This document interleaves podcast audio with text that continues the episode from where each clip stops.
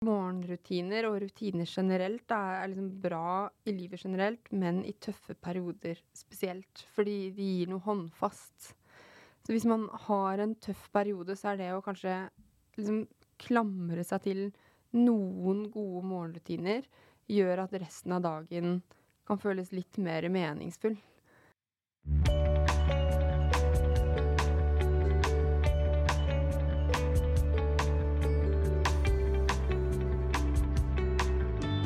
Velkommen til podkasten 'Leger om livet'. Jeg heter Anette, og jeg jobber som lege. I dag skal vi snakke om et tema som jeg syns er veldig viktig. Og det er hvordan få en god start på dagen. Og det er ingen andre jeg kunne invitert til denne episoden enn selveste Sara Lossius. Og Sara Lossius hun er prisbelønt podkaster, bestselgende forfatter, foredragsholder kommunikasjonsrådgiver, trebarnsmor og mye, mye mer. Hun starta en av Norges aller første og største helse- og livsstilspodkaster ved navn Ingefær podkast. Hun har skrevet flere bøker, og har som mål å dele kunnskap om gode vaner og nyttige verktøy for å hjelpe andre å leve et litt lykkeligere liv. Og den siste boka hun har eh, skrevet, heter 'God morgen', som er helt perfekt for dagens tema. Hjertelig velkommen, Sara. Tusen takk. Ja, du har nettopp kommet ut med en ny bok. Mm. Den heter 'God morgen enkle vaner som kan forandre livet ditt før dagen starter'. Det er et, en kraftfull tittel. Ja, den er, den er veldig fin, men det er Jeg syns jo kanskje den er eh, Det var forlaget som ville ha den siste, og jeg bare oh, kan, vi, kan jeg være så tøff? Ja. Men ja, vi kan være så tøffe. Fordi hvordan vi starter dagen, hvis man er bevisst på det, tror jeg kan ha veldig, veldig store ringvirkninger for for resten av dagen. Mm. Og livet består jo av masse små dager etter hverandre. Så hvis man gjør litt tidlig på morgenen, så tror jeg i sum at livet kan bli litt bedre. Ja, det har jeg sett i eget liv og hos mange av mine pasienter, så det kan jeg bekrefte. Hva, hva det var som gjorde at du ville skrive akkurat den boka akkurat nå? Den kom til meg for ganske mange år siden, egentlig, eh, ideen. Og så måtte den eh, vokse litt, og så hadde jeg en annen bok som skulle ut i mellomtiden. Men jeg fikk jo to tette barn. De to første er bare 22 måneders mellomrom. Eh, og, da, eh, og det kombinert med høye ambisjoner og lite søvn på nettene eh, gjorde at jeg følte alltid at jeg liksom ikke fiksa morgenkvisten. At jeg hang etter allerede fra dagen startet. da, Og så hørte jeg på en del sånne amerikanske helsepodkaster som da har mye fokus på Eller helse- og karrierepodkaster som har mye fokus på liksom hvordan man starter dagen og sånn. Og veldig mange svarte der at man sto opp klokken fem og trente og mediterte og drev med journaling og alt sånt der. Eh, og det fikk jeg aldri til i mitt eget liv. Mm. Og da følte jeg meg rett og slett mislykket. Og etter hvert så ble jeg litt sånn irritert om at alle kan jo gjøre visse små grep i livet sitt, selv om man ikke er superprivilegert eh, mannen med en nanny og tålmodig kone som faktisk kan stå opp klokken fem, eller som sover hele natten, som man ikke gjør når man har små barn. Ikke alle, i hvert fall. Mm. Så da kom ideen til liksom, hvordan, hvordan kunne jeg i min livssituasjon, og jeg fikk jo etter hvert et tredje barn også, tweake den lille tiden jeg hadde på morgenkvisten til å eie dagen mer. Og det ble da til God morgen-boken, sånn etter hvert. Jeg har lyst til at alle, uansett om man har mye tid, liten tid eller ingen tid, kan finne noen små grep som passer inn i akkurat sånn livet er akkurat nå, som gjør at dagen blir litt bedre. Hmm. Jeg er veldig glad for at du har skrevet den boka. Det er, det er viktig. Det er et viktig tema, og ofte så kan man tenke at eh, ja, men det har ikke noe å si for, eh, for livet, hvordan man er om morgenen. De fleste, i hvert fall jeg i store deler av mitt liv, har liksom skynda meg opp med en gang alarmen ble eh, skrudd på, og bare vært i sånn beredskapsmodus fra starten av. Og det er ikke før de siste årene jeg har skjønt hvor viktig det er for min fysiske og mentale helse at jeg ikke starta med masse ekstra kortisol og adrenalin eh, ute i kroppen. Vi trenger å starte på en god måte for å få en god dag. Men som du sier, det er ikke lett. Ikke? Du har fått tre små barn. Hvordan får man til å starte dagen på en god måte? Det, for mange tenker jo sikkert at det er jo helt søkt, det går ikke an. Ja, jeg tror Altså, det er jo mange i boken så har jeg over 80 rutiner og refleksjonsoppgaver. Så en av de tingene jeg syns er viktig, er jo å ta sånn ærlig blikk på nå-situasjonen. På hva er det jeg kan få til i det livet jeg lever i akkurat nå. Mm. Kan jeg f.eks. Eh, jogge hver morgen, eller eh, har jeg rom for å, å, visualisere på do, liksom, mens barna blir stengt utenfor dodøren, eller Altså, det er ikke alle man har veldig ulikt utgangspunkt. Mm. Og så varierer jo livet, pluss at det varierer gjennom årstidene. Så det å finne ut hva man trenger, hva man har lyst til, hvilke mål man har, og så lage noen hensiktsmessige morgenrutiner basert på det. Og så er jeg opptatt av at morgenrutiner trenger ikke være Jeg har lyst til å ta ut prestasjonen av det, men at morgenrutiner skal handle om å ha det bra, føle seg bra. Altså man kan godt prestere um, hvis man vil, men det er ikke om å gjøre å bli best på morgenrutiner. Jeg, hvis det hadde vært en konkurranse, så hadde jeg vært ganske dårlig. Jeg hadde ikke vært på seiersballen. Men de morgenrutinene jeg har, funker for meg og gjør at jeg um, har en bra hverdag, og bedre enn før. For jeg starter ikke med som du sier, dette høye kortisolnivået. Eller det gjør jeg, det gjorde jeg til morgen i dag. Men da vet jeg hvilke rutiner som skal gjøre for at jeg ikke går i panic mode med en gang, men Mm. takler det litt bedre enn å bare Herregud. Mm. Ja, for at det er veldig lett å gå inn i den panic-moden, og så tar du det med deg ut. Du kler på barna dine i panic mode, det blir kjefting, det blir eh, uro. Du skynder deg fra barnehagen rett på jobb, blir litt irritert for et eller annet på jobben. Og så blir det ikke sant, Det baller på seg gjennom dagen, og du er på en måte i denne stressresponsen som jeg tenkte vi skulle snakke om litt senere. Og det å komme ut av det kan ha så enormt mye å si for oss mennesker. Og det er jo derfor at det er mye fokus på det. Det er mange leger, og i helsevesenet nå så er det mer fokus på det. Fordi at vi vet hvor viktig det er. Men det jeg tenker, det er mange som hører på nå, så tenker jeg men herregud, jeg har ikke tid. Jeg har en halvtime om morgenen til å gjøre meg klar. Trenger man ha god tid for å få til noen rutiner, gode rutiner på morgenen? Nei. Nei, så bra! Jeg kunne bare sagt nei, det trenger man ikke, men jeg kan godt utdype litt. Eh, eller jeg utdyper gjerne. Så alle de triksene i boken min, eller rutinene, er jo fra et par sekunder til en halvtime. Så jeg tror jeg har noen på 45 for, eh, for de luksuriøse av oss, eller til helgene. Ja. Eh, eller til eh, skikkelig morgenfugler. Mm. Nei, man trenger ikke mye tid i det hele tatt. Det jeg er opptatt av, er at man bevisst er oppmerksom, eller at man er bevisst på hvordan man møter dagen, og hvor man har oppmerksomheten.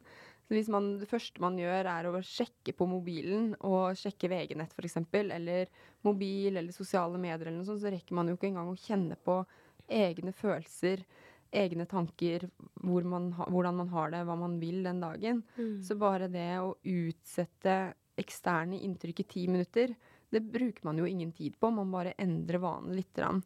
Og bare der tror jeg at man kan eh, slippe litt sånne små mikrostressorer, som eh, eh, han som har Live With Better Feel More-podkasten, han Mm. snakker vel om det. Mm.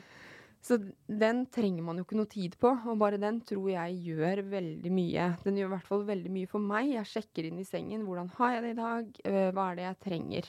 Mm. Hva, kan jeg, hva har jeg lyst til å oppnå i dag? Sånn at jeg starter dagen bevisst, og at jeg eier mine følelser før jeg blir påvirket. For når man sjekker VG, særlig nå om dagen, og kanskje de siste årene, eller sjekke sosiale medier, så får man jo en følelse av alt det man ser. Mm. Så man frivillig blir liksom med på andres tanker, andres liv, og ofte får man jo negative følelser. For det er ikke det mest positive som er på nettaviser, i hvert fall. Mm. Så det å, å vente med det, det tar ingen tid. Mm. Det, er, Det eh, sparer deg for tid. det sparer deg for tid, og, og det gjør at eh, Jeg tror at det gjør at kortisolnivået vårt ikke går i taket, da.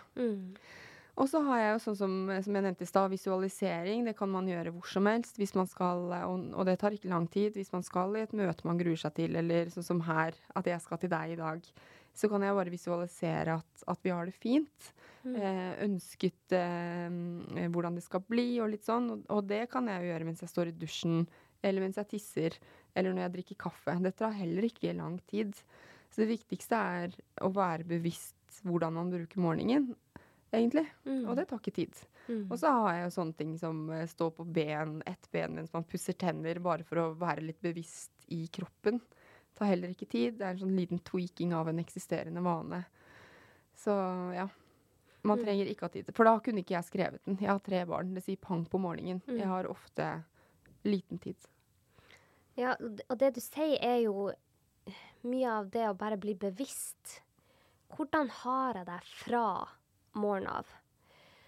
Og eh, jeg kan jo se hvordan min morgen var før. Og den var jo eh, ganske hektisk. Jeg hadde gjerne lest på nettavisen rett før jeg la meg. Var ofte stressa, hadde dårlig søvn, våkna. Første jeg gjorde, var å sjekke har det skjedd noe på VG. Det, det, det er jo det vi gjør. Vi er så vant til å gjøre det. Kunne spise frokost mens jeg leste Nettavisen, f.eks. Du er ikke til stede. Og så skyndte jeg meg rett på jobb, og der var det masse pasienter jeg måtte ta vare på, og jeg kjente i full beredskapsmodus hele tida. Her må jeg være til hjelp, jeg må gjøre så godt jeg kan. Og det er så små ting som skal til. Det at jeg slutta å lese Nettavisen, slutta å gå inn på eh, sosiale medier-apper. Bare det å ta det viktige valget der, gjør at du er bevisst. Ikke sant? Og du går, du setter, det jeg gjør, jeg setter meg i senga, setter meg opp, og så hvis jeg har tid, så prøver jeg å meditere i fem minutter. Hvis jeg ikke har tid, som jeg ofte ikke har, så bare kjenner jeg etter. Åh, hvordan kjennes kroppen min i dag? Hvordan kjennes eh, pusten ut? Har jeg vondt noen steder? Går det bra? Bare vær litt bevisst. Og så er det ofte et eller annet, en av disse guttene mine som roper eller vekker meg. Men jeg gjør det for det om de er der. Eh, Så prøver jeg å tenke OK, nå kjenner jeg hvordan jeg har det, og så går jeg ut i dagen med den bevisstheten. Og det kan høres litt sånn klisjé ut, men jeg har anbefalt så mange av mine pasienter dette, og den lille faktoren der har så mye å si. Hvordan var det for deg? Hvordan endte du med å bli bevisst på dette? Nei, det var som jeg nevnte, at jeg våknet I og med at jeg er eh, veldig glad i å jobbe, og det er kjempepositivt, og så er det innmari negativt. Fordi jeg, kan, jeg har tendens til å dra strikken altfor langt. Veldig ofte. Eh, så, og, og dermed kunne jeg ofte starte dagen liksom på etterskudd, for jeg følte at jeg To do-listen burde vært i gang allerede. Selv hvis jeg våknet klokken seks omtrent. omtrent. Så det er noe med Stressnivået var for høyt, og det er ikke det at mitt stressnivå ikke er lavt eh, eller ikke er høyt eh, konstant, for det er det jo innimellom. Sånn som i morgendag så våknet jeg stressa. Men da lar jeg det ikke eie meg, for da tar jeg noen grep. Og det gjorde jeg ikke før, men det gjør jeg nå, sånn at jeg vet at OK, jeg vil ikke gå inn i stressen med det stressnivået i dagen. Fordi masse forskning viser jo at hvis man er for stressa, så er man jo mindre empatisk. Man konsentrerer seg mye dårligere. Eh, kreativiteten er lavere. Og, det, og når jeg lever av mitt hode med å skrive og komme med gode ideer, så, så hvis jeg går inn i jobbhverdagen min med et høyt stressnivå, så presterer jo jeg dårlig. Mm. Så det er ikke gunstig for jobben min i det hele tatt. Mm. Så, og det er også Sånne små ting som jeg gjør, er å sjekke inn. Jeg dusjer alltid kaldt på slutten av dusjen. Eh, Hvor mange minutter gjør det? Eller Nei, ikke så lenge. Så jeg, jeg dusjer, jeg vasker håret varmt, og så tar jeg på kaldt. Ja. Og nå i vinterhalvåret så har jeg avsluttet varmt igjen, sånn at det ikke er så kaldt på badet. Men utover nå så avslutter jeg noe kaldt, nå som det begynner å bli varmere ute, da. Ja, ja, ja. Etter hvert. Eh, Og det gjør jo òg at du blir bevisst, for du har ikke sjans til å tenke på noe annet enn at du er iskald når dusjen er Når eh, strålene er så kalde. Nei, nei, nei, og da må du fokusere på pusten òg. Mm. Og så kjenner man kroppen sin når det er kaldt. Jeg kjenner liksom yttersiden av kroppen, og det gjør man på sommeren f.eks. Når man står i bikini og det blåser litt på stranden, så kjenner du omrisset av kroppen. Ja. Og det, og det er noe i den følelsen liksom Å ja, det er sånn kroppen min kjennes. Mm. Så det, og så slår jeg alltid av radioen på morgenen. Mannen min slår den på, jeg slår den av. Og så er det aldri sosiale medier eller sånne ting eh, tidlig. Eh, hva annet gjør jeg da? Jo, jeg tenner lys hvis vi har tid til det. Eh, drikker alltid god kaffe. Så det er sånne småtinga som bare sørger for at jeg har tilstedeværelse her og nå, da. Mm. Og så har jeg jo mange andre triks som jeg tar inn når jeg skjønner at jeg trenger det. Sånn som i dag hadde jeg tid til å, å gå en tur, for ingen av de største jentene mine ville ha følge til skolen, og mannen min skulle levere yngste i barnehagen. Så da gikk jeg en halvtimes tur på Nesodden der jeg bor, og hørte på podkast For det vet man jo reduserer stress. Og jeg Mm. våknet jo opp som en stressklump. Mm. Og da kom jeg tilbake etter å ha gått en tur med sol, gått ned til sjøen, eh, og kom hjem mer i scenen, klar til å jobbe. Mm. Veldig fint. Det hør, det, jeg syns det er så fint å bare være bevisst på det. Eh, og så hører jeg òg lytterne mine i bakgrunnen som sier 'Men jeg har ikke tid til det der! Jeg har ikke tid!' Jeg hører meg selv si det hver dag. ja. Ja. Og, og, eh, og ofte så har jo ikke jeg heller tid til det der, men man sparer jo tid ved å ikke sjekke i hvert fall sosiale medier og VG-appen, og, og bare tenke over pusten. Og når du snakker om det her, så får jeg en, et minne opp. Jeg hadde en gang en pasient. Utrolig flott dame. Hun jobba i helsevesenet. Hun var alenemor. Og kom til meg og var en stor stressklump, som du sa det så fint. Hun var så tens, og hun kom egentlig for noe helt annet til meg, men jeg bare merka at hun her hadde det ikke bra. Og så spurte jeg hvordan livet var, og da bare falt hun i grus. Og klarte ikke å slutte å gråte. Og så fikk jeg nøsta litt opp i løpet av noen uker da hun måtte komme tilbake, hva det var egentlig som eh, hva det var egentlig som skjedde i livet hennes. Og hun hadde jo eh, vært veldig stressa etter en skilsmisse for noen år siden, men den hadde hun kommet seg fint fra. Hun hadde aleneomsorg for barnet sitt, og hun jobba i helsevesenet og måtte være på morgenmøte klokka åtte. Klokka åtte, det er tidlig. Og så hadde barnehagen og hennes åpna ikke før til barnet, åpna ikke før halv åtte. Og det tok rundt 20 minutter å kjøre fra barnehagen til jobben. Så hun måtte liksom være der sharp klokka halv åtte med barnet. Så måtte hun skynde seg inn med barnet, si ha det i full fart, rett på jobb. Og da klarte hun akkurat å skifte til å være klar til morgenmøtet klokka åtte. Ofte to-tre minutter for seint. Og ofte så sa hun, sa hun til meg at hun satt på morgenmøtet og hadde dårlig samvittighet for hun hadde kjefta på dattera si så mye for at de skulle skynde seg.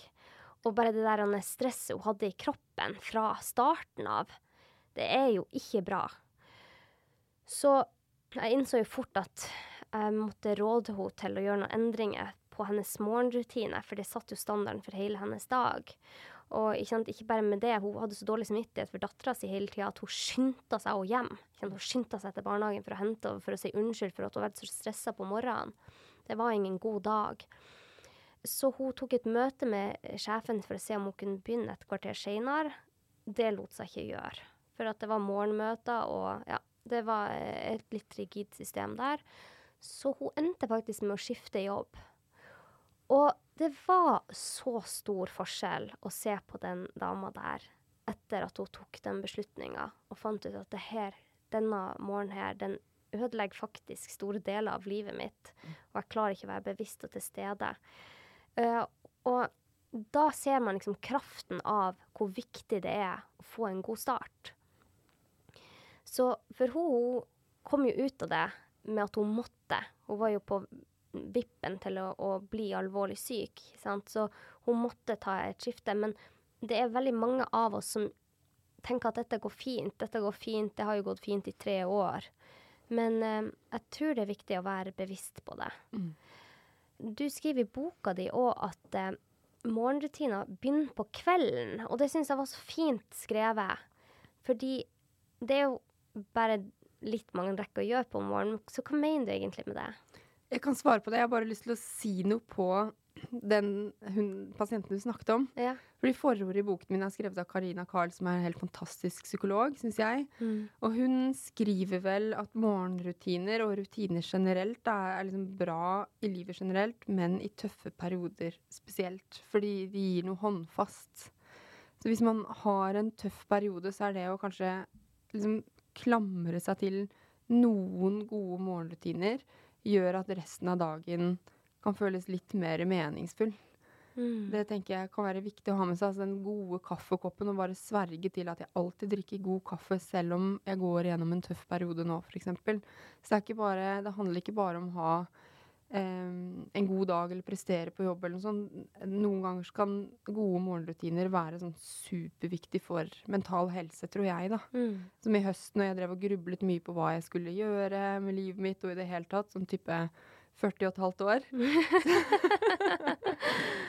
og det var en del andre ting som, jeg, som, var utfordrende for meg i høst, eh, som det er i alles liv. Og da var det i den kalddusjen Det høres kanskje ikke helt logisk ut å liksom utsette seg selv for pain tidlig på morgenen, men kalddusjen gjorde at eh, jeg var helt avhengig av den for å stable meg selv skikkelig bra på beina. Mm. Så det med å ha gode rutiner er nyttig generelt, men i tøffe tider spesielt, og sikkert da også for eh, din pasient, som Mm. da endret deler av livet sitt og fikk mye bedre rutiner. Mm. Altså det kan gi en indikasjon på hvordan vi har det også når man begynner å sjekke inn med seg selv på morgenen. Ja, kanskje jeg faktisk ikke trives i denne jobben, eller altså Det kan ha ganske store konsekvenser generelt da, når man begynner å sjekke inn om morgenen.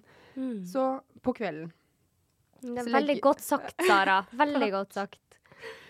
Eh, men på kvelden så legger man jo grunnlaget for morgenkvisten, både med når man legger seg, eh, som jeg jobber med hele tiden, siden jeg har notorisk lakenskrekk. Eh, jeg er veldig glad i den egentiden på kvelden, også glad i egentid på morgenen. Og det to, de to tingene står jo i, i krasj. Men uansett, så når man legger seg, har jo noe å si for når man står opp om morgenen. Mm. Så det å, og også når man avslutter med å kikke på mobilen, jobbe, sånne ting for å få en god natts søvn, for å ikke eh, Hvis man ser på skjerm for lenge, f.eks., så er det vel noe forskning som viser at man ikke produserer nok melatonin som gjør oss trøtte, f.eks.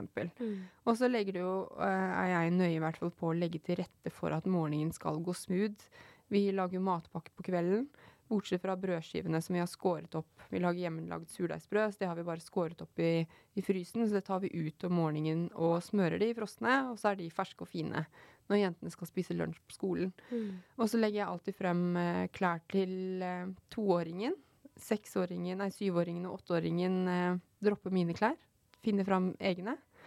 Eh, og jeg legger fram klær til meg selv om jeg skal rett på jobb, eller om jeg skal trene eller gå en tur. Sånn at veldig mye er klargjort kvelden før. Oppvaskmaskinen er tatt ut. Og hvis jeg skal stå opp tidligere for å gjøre noe, så vet jeg alltid det. Sånn at i morgen morgendag så skulle jeg stå opp tidligere for å få unna litt jobb, og da vet jeg når ringeklokka ringer, så lurer jeg ikke på hva jeg skal. Jeg skal ned og være foran Mac-en en halvtime før resten av familien starter. Så det er noe med å være liksom prime hjernen for hva som skal skje, og at ting er tilrettelagt for at det ikke blir helt kaos. Mm. For det blir det jo, i hvert fall i vår familie, noen morgener. I forgårs var det sånn. Eh, min eldste kranglet litt på noen mobilgreier. Eh, vi er veldig strikte med mobil, men hun ville absolutt ha med den hjemmetelefonen vår, som er en mobil, da, på skolen. Fikk ikke lov, ble sint. Eh, Lisen på to bæsjet på seg, gjør det aldri. Og jeg rakk ikke båten jeg skulle for å rekke et eh, møte, da. Mm. Eh, og da er det jo totalt kaos. Men det skjer, men det er ingen andre uforutsette ting som skjer med at vi plutselig ikke har rene klær, eller det er ikke mat i kjøleskapet, eller altså man må legge til rette sånn at man får en god morgen. Mm. Så, og det er jo kanskje for noen å lage nye vaner, da. Altså istedenfor å kikke på TV på kvelden, så må man bruke 20 minutter da, på å preppe matpakke, f.eks. Mm. Vi, vi bruker jo mye tid på kjøkkenet fordi vi har lyst til å gi barna våre næringsrik mat, f.eks. Og, så vi ser jo ikke på serier, men vi kan stå og prate eller høre på en podkast eller sånne ting på kvelden i stedet. Mm. Så det er litt hva man syns er viktig i livet, og hva man har lyst til å gi seg selv og eventuelle barn. Mm. At det gjenspeiler hva man bruker tiden på. Mm. Ja. Men det er jo så kjedelig. Stå Ja. der kvelden før, ikke sant? Dritkjedelig. Men det, ikke sant, med en gang det blir en vane, så gidder man. Eh, Ja. eh, Eller da, da klarer man, rett og slett. For det er så lett å si ja, men jeg tar det i morgen. Men jeg syns det, det, er veldig- jeg det er veldig gøy å se at eh, min eldste har lagt til en vane ved å legge Han legger uh, de klærne han skal ha, klar på badet, så de er varme når han skal ha de på seg. Han er så, blitt så opptatt av dette, for han er opptatt av at han selv skal bestemme hva han skal på seg. Og det er en sånn fin morgenrutine for han, for ofte så våkner han før oss andre og tar på seg de klærne ikke sant, og går ned og ja, Jeg vet ikke hva han gjør i kvarteret før vi kommer, men han får ikke lov å se på TV, så han går litt rundt der og leker for seg selv. Men det er en fin start for han. Han vet hva han skal på seg, han har bestemt det selv. og det er gode rutiner å gi barna, Mm. tenker jeg. Mm. Men ja, du har jo skrevet i boka di. Du har skrevet tips til de som vil bli tøffere, de som vil komme ut av komfortsonen, til de som ikke har tid, til de som vil leve sunnere. Du har skrevet tips for de som ønsker endring, eller bli sterkere eller sprekere. Altså, det er mange tips i denne boka. Og vi rekker jo ikke gå gjennom alle, eh, men jeg tenkte vi skulle gå gjennom noen av disse beste rutinene. For vi har jo forskjellige mål, og det syns jeg er så fint i boka di. At eh, for én så er ikke målet å bli mindre stressa. For hun eller han er rolig allerede fra før av. Men kanskje målet er å bli tøffere, eller eh, få en eh, sunnere start på dagen. Så jeg tenkte det, Jeg likte veldig godt det du skrev om det å gå ut av komfortsonen. Hva er dine beste tips for å Beste morgenrutiner for å komme seg ut av komfortsonen? Mm, jeg kan si litt om det med å gå utenfor komfortsonen først, kanskje. Ja. Var, jeg følte at det, eller ikke føler jeg, jeg- For noen år siden så var det liksom veldig veldig moderne. Din komfortsone, og så er det en sånn pil her er where the magic happens, og den var utenfor. Ja. Det er ikke alle som opplever magi ved å gå utenfor komfortsonen. Noen trigges jo ikke av det. Men, eh, men hvis man gjør f.eks. vanskelige arbeidsoppgaver, litt vanskelige arbeidsoppgaver og greier å fordype seg, så, så kommer man jo i flow, f.eks. Og jeg tror at ved å utfordre seg selv på noen punkter i livet, så kan det gjen, eller gi vekst på andre steder av livet også, fordi man opplever mestring på noe. Så får man kanskje bedre selvtillit eller selvfølelse, og så går det over på andre områder av livet òg, da. Mm. Eh, og barn eksempel elsker jo eh, utfordringer, eller å, å lære seg nye ting, fordi mestring gir glede, og, og det er mye mening i å mestre nye ting. Mm. Og jeg tenker at som voksen så liksom glemmer man noen ganger det litt. Eller man kan bli utfordret på jobben eller sånne ting, men å utsette seg selv for små utfordringer frivillig, det er jo litt lek i det, tenker jeg. Mm. Så der er det eh, Altså det, det kan være mye gøy òg, men et av tipsene er jo denne kalddusjen som jeg predikerer ca. konstant. ja. Og grunnen til at jeg syns den er fin, er jo fordi den tar ikke noe ekstra tid. For hvis man allerede dusjer på morgenkvisten, så er den eneste endringen du må gjøre, er å skru på dusjen sånn at det blir kaldt vann lite grann. ja. Så det er jo ikke Det er endre en eksisterende vane istedenfor å legge til noe. Ja. Og, og dusje kaldt, det er eh, Jeg Det er sikkert noen som nyter denne kalddusjen og sånn. Jeg, jeg liker jo det å kjenne kroppen min, som jeg nevnte, men jeg digger det ikke. Mm. Men jeg utsetter meg selv for noe ubehagelig tidlig på morgenen som i hvert fall jeg innbiller meg, og da er det jo sånn i hodet mitt at jeg blir me mer mentalt rusta til å møte det som måtte komme Mm. senere på dagen. Og, og, og bare det å dusje kaldt er jo utfordrende for de aller fleste. Så der er det tenker at det kan bygge mental robusthet for mange, da. ja. Og så har jeg vel det å eh, Jo, jeg nevner en arbeidsoppgave der òg. Altså hvorfor vil man bli tøffere? Er det noen personer du ser opp til som har noen tøffe egenskaper som du selv har lyst til? Og så kan man kanskje finne ut eh, hva som skal til for å bli det. F.eks. noen som tør å ta mye plass, eller prate offentlig, eller eh, si hva man mener, eller den personen tør å si mye nei, eller jeg vet ikke hva. Så kanskje øve seg litt på, på det, eller i hvert fall få klarhet i hvilken vei man ønsker å utfordre seg selv på. Mm. Og så har jeg det å re opp sengen. Tid to minutter, står det i boken. Det spørs jo litt hvor stor seng man har. Men jeg tror ikke det tar større tid for oss. Jeg rer ikke opp sengen hver dag. Men eh, på God morgen-podkasten min så hadde jeg hun eh, Andrine S- eh, Hegerberg, Mm. som er en av verdens beste fotballspillere. Og hun rer opp senga si selv på hotell. Fordi eh, hun sier sånn Hvis eh, jeg må gjøre de kjedelige oppgavene for å bli best, for det må man jo. For å bli så god som hun har hatt, så har hun dribla en del alene. Og det Mm. kan være kjedelig, f.eks. Men det må man gjøre for å bli god i noe, så da kan man like liksom godt venne seg til det med å f.eks. re opp sengen. Mm. Og så har jeg også et triks som å gjøre den samme treningsøkten hver dag i 30 dager. OK. Mm, for det er også utrolig kjedelig. Ja.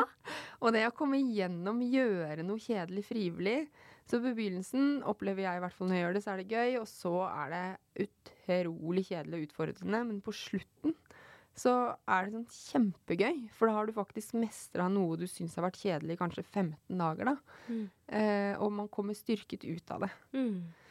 Så jeg tror litt på, på det å ja, utfordre seg selv litt og gjennomføre selv om, eh, selv om man ikke har lyst, at det bygger karakter. Da. Ja. Mm. Man blir mer fornøyd med seg selv. Ja, og det bygger en robusthet som, som ingen kan ta fra deg. Mm. Fordi du har gjort det selv frivillig. Mm. Og da kan eh, livet bli kasta på deg, som det gjør på alle. Eh, og du kanskje står med litt bredere skuldre og litt mer beina planta i jorda, fordi du har greid å fikse noe selv. Mm. Veldig bra. Du har også en tips til de som ønsker å bli mindre stressa, og det tror jeg mange kjenner seg igjen i. Hva er dine beste tips for de som føler seg litt ekstra stressa? Jeg føler at jeg skrev det kapitlet til meg selv. ja. Jeg tror liksom at alle At det er lett å se verden gjennom sine egne, egne øyne. Så jeg tenker jo at alle er litt sånn stressklumper som meg.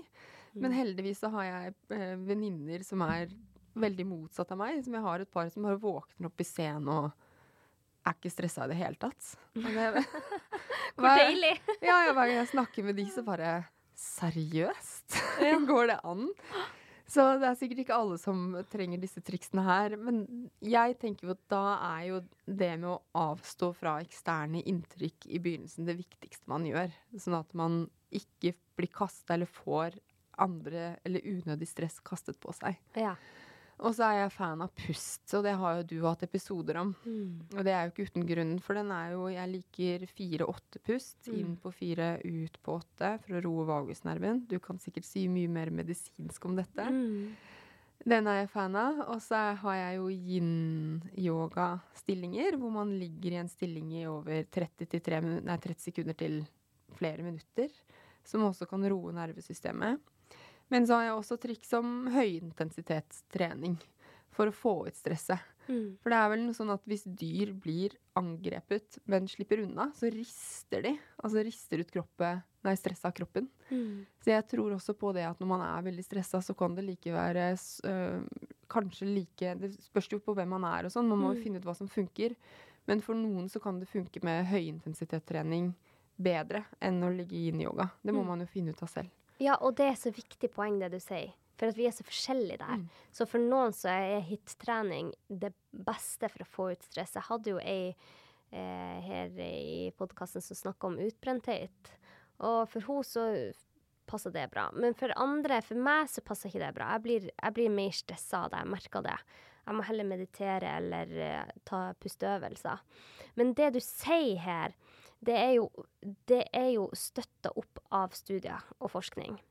Og jeg tenkte jeg skulle bare nevne kort hvordan nervesystemet vårt fungerer under stress, for det er kanskje litt nyttig. I hvert fall for mitt eget hode så syns jeg det er nyttig å skjønne hvordan det er.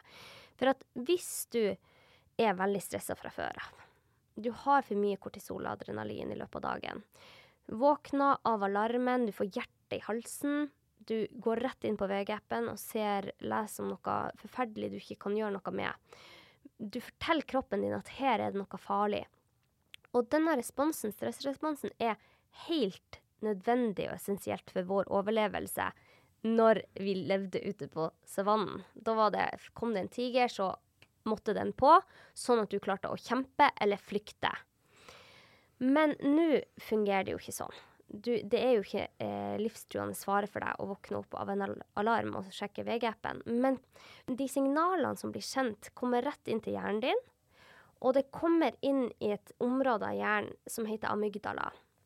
Amygdala prosesserer den informasjonen de får, og så sender de ned beskjed til hypotalamus. Og man kan se for, jeg liker å se for meg dette som et flytårn med flygelederne. ikke sant? De flygelederne får beskjed, ok, da må vi sende beskjed til flyene igjen om at ok, her er det noe som skjer. Så hypotalamus da får beskjed av amygdala om at ok, her er det noe farlig eller noe stress. Så sender de igjen beskjed ned til kroppen. Ok, nå må vi være klar. Så det som skjer da, er at hypotalamus sender beskjed ned til binyrene dine, som ligger over nyrene på begge sidene, og så begynner de å produsere mer kortisol og adrenalin. Allerede fra morgenen så har du høyt kortisol og adrenalin for å være klar for dagen, men da blir det litt ekstra. Litt mer enn du trenger. Og når du får for høyt kortisol og adrenalin, så utvider pupillene seg, du får mer eh, oksygen til hjernen for du skal tenke klart, du får mer blod ut til muskulaturen din for du skal være klar for å kjempe, du får mer eh, glukose, altså sukker og fett ut i blodet for at du skal kunne kjempe. det er mange fysiologiske endringer som skjer i kroppen din av det.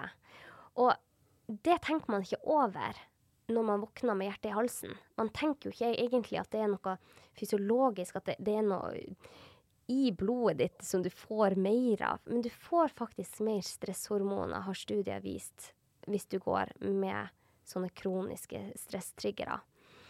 Og når du starter dagen på det viset, så kan man ofte være mer irrasjonell. Man prøver å komme seg ut av situasjonen, ikke sant? så, så tar man kanskje valg som ikke er bra for deg. Og det er da det er viktig å tenke OK, nå kjenner jeg at jeg har høy puls, jeg er stressa, jeg føler meg veldig fokusert på én ting, men jeg føler meg helt sånn forvirra for alt annet som skjer.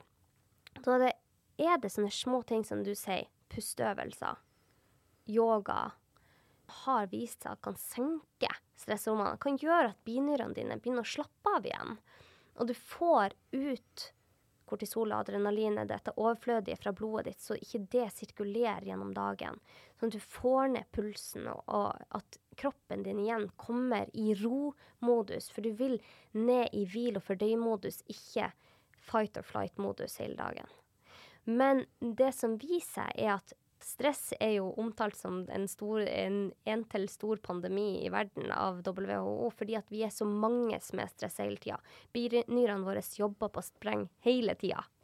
Og det er så greit å bare vite. Jeg syns i hvert fall når jeg skjønte denne eh, prosessen her, så skjønner jeg OK, når jeg driver med disse pusteøvelsene, så ser jeg for meg at binyrene mine slapper av. Jeg ser for meg at det går ut av blodet mitt, og at jeg ikke har så mye stress sirkulerende i blodårene mine. Og jeg vet ikke om det kan være til nytte for noen, men jeg tenkte det er greit å kunne det her. Og de rådene du gir, Sara, er kjempebra for de som kjenner seg igjen i dette. Ja, det er kjempeviktig. Og så tenker jeg også at man vet jo med seg selv at man ikke Man har det jo verken veldig bra når man er for stresset over lengre tid, eller eh, er den beste versjonen av seg selv, eller er særlig effektiv på jobb hvis det er viktig for en selv, f.eks. Så det å ta ikke kontroll over stresset, det liker jeg ikke helt den formuleringen, men det å, å prøve å roe reka litt, mm. si sånn. var kanskje mer folkelig. Eh, det, det, har, det, er så viktig på veldig mange deler av livet. Det mm. nevnte i stad med at vi blir mer empatiske. For når vi er i fight or flight, så er man mer i sort-hvitt og fiendemodus. Mm. Eh, og man greier ikke tenke de lange tankene som skal til for å få nye ideer, f.eks., eller være kreativ. Det funker heller ikke, fordi kroppen er jo obsesst på å skulle overleve. Mm. Ikke på Så det å være i den hvile- og fordøyd-modusen, det er der gullet er. Det er der du greier å jobbe bra, det er der du møter barna dine med empati, og det er der eh, man får de beste ideene. Mm. Og det er der det er mest glede. Mm. Så, og, mm. og, det er der du har det bra generelt. Du får mer blod til magen og fordøyelsen din, så den fungerer bedre.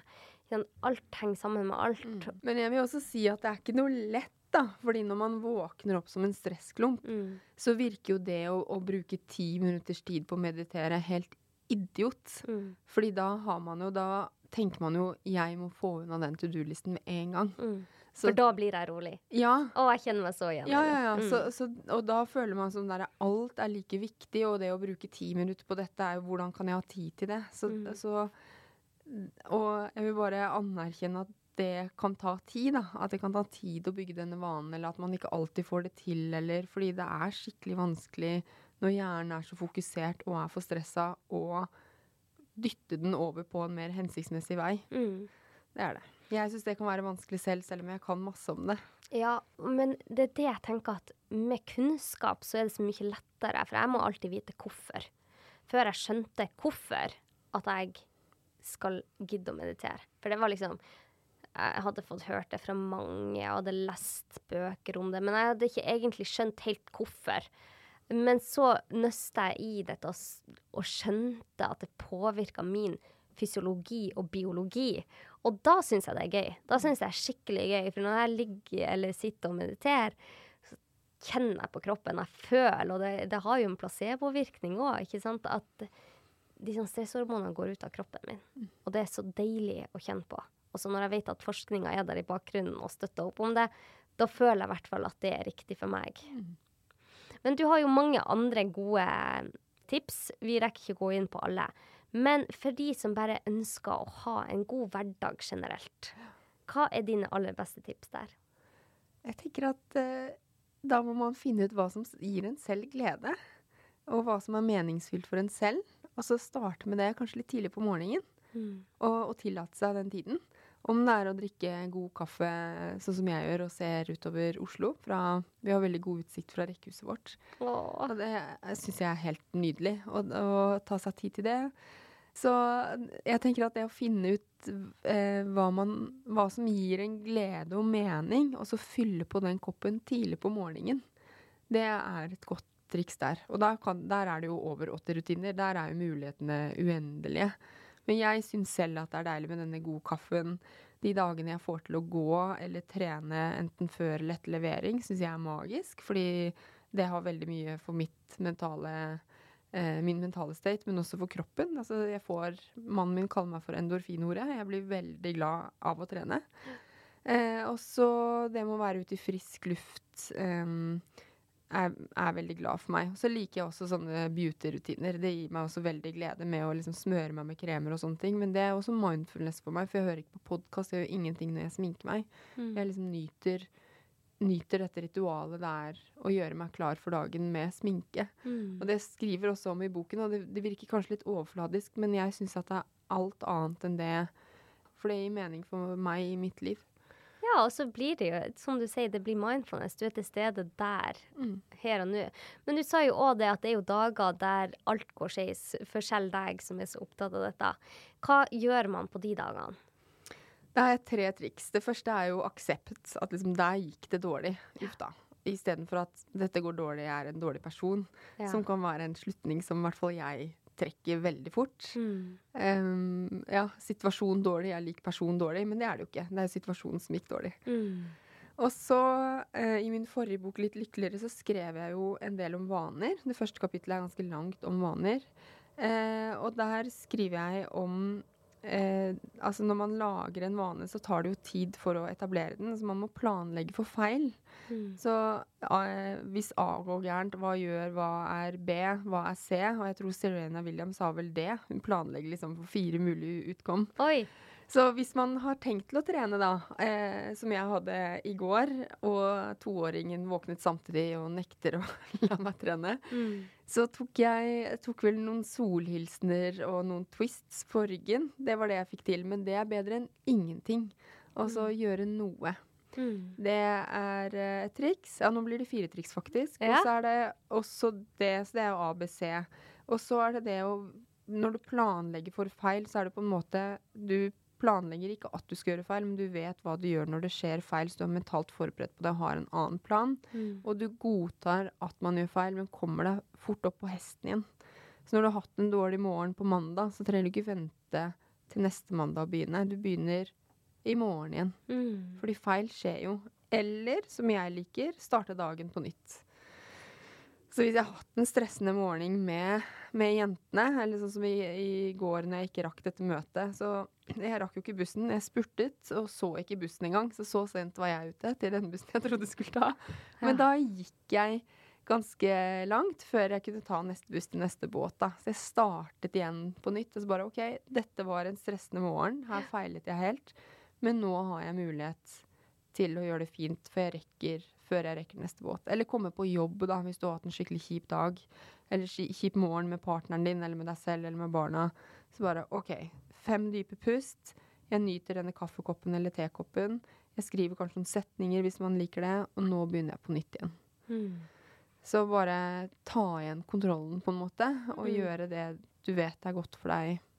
Litt, da. Å være tilgivende mot seg selv. Ja. Det her gikk eh, ikke så bra, men det er ikke meg som person det er noe dårlig med. Den syns jeg var veldig fin. Ja, da tenker jeg at vi har fått utrolig mange gode tips fra deg, Sara. Jeg er så glad for at du hadde tid til å være med og fortelle om det her. Jeg har gledet meg veldig. Så fint å være med. Ja, så bra! Og boka di, den er jo å finne akkurat nå. Den har jo vært på bestselgerlista i noen uker nå, og det er så artig. Du får til så mye, Sara. Det Så det, er, det å få tips fra deg, Sara, som har prøvd og feila i mange år med en veldig hektisk timeplan som du har hatt i ja, i hvert fall ti år, så eh, jeg tenkte at eh, du var den beste til å prate om akkurat dette temaet. Så jeg er så glad for at vi kunne dele litt kunnskap her i lag. Og eh, hvor kan lytterne mine finne deg? På Altså, de finner jo God morgen overalt der bøker selges. Mm. Heldigvis. Og så forrige Litt lykkeligere, er jo pocket og på Storytel som eh, lydbok. Hvis man Ja. har lyst til å høre når man går, for Har-. Har du lest den inn selv? Eh, litt lykkeligere leste jeg den selv, ja. Ja. ja. Så håper jeg God morgen etter hvert blir lydbok også. Mhm. Og den vil jeg også lese inn selv. Det er jo eh, mitt språk, så da tenker jeg at min stemme er fint. ja, ja, ja. Og så er jeg på Instagram Sara Lossis. Det er der jeg er mest aktiv. Jeg har en nettside også som jeg driver og jobber med for å lage en ny, og det er også saralossis.no. Men Mm. Instagram Sara Lossis. Så bra! Tusen hjertelig takk for at du tok deg tid, Sara. Tusen takk for muligheten og for en veldig fin podkast. Ja, og i like måte. Og din podkast God morgen er jo òg ute nå. Så den finner du bare ved å søke på God morgen der du finner din podkast. Ja, og eh, hvis dere har noen spørsmål, så vet dere hvor dere når hun Sara nå. Og hvis dere har noen spørsmål til meg, så er jeg også mest aktiv på Instagram for tida. Det er veldig mye mm, mailer jeg får, og meldinger og DM-er. Og det er noen jeg ser som glipp. Så hvis du ikke får svar, jeg prøver å svare alle, så bare skriv til meg på nytt. Og eh, hvis du setter pris på denne podkasten, så trykk abonner. Og med det så sier jeg takk for i dag. Ha en kjempefin eh, dag og en god start på eh, morgen. Ha det godt. Ha det godt.